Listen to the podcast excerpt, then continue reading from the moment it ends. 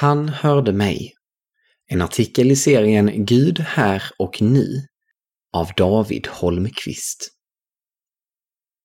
Under hösten hade jag en period av svårigheter, av tvivel. Jag kände mig liten, bortglömd och ensam. Jag ville innerst inne tro att Gud vakade över mig, så jag etablerade en regel för mig själv. Jag bestämde att jag varje gång jag vistades i en kyrka skulle be en bön och säga välsignelsen. En liten sak i hopp om att jag kanske skulle få svar. En dag satt jag och bad och kände plötsligt en värme i hela kroppen. Och även om värmen försvann efter ett litet tag fick jag en känsla av närvaro.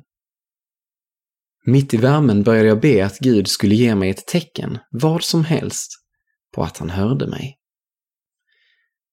Fem minuter senare fick jag ett svar. Inte som en röst från himlen eller som en uppenbarelse, utan i form av att en kompis, som inte är kristen, sa till mig Där inne i kyrkan, satt du och bad då? Jag såg det. I fjärde salmens fjärde vers står det ni ska veta hur underbart Herren tar till sig sin trogne. Herren hör när jag ropar till honom. När det kändes som om jag pratade in i en vägg bad jag om att få bli hörd. Och genom en vän fick jag svar.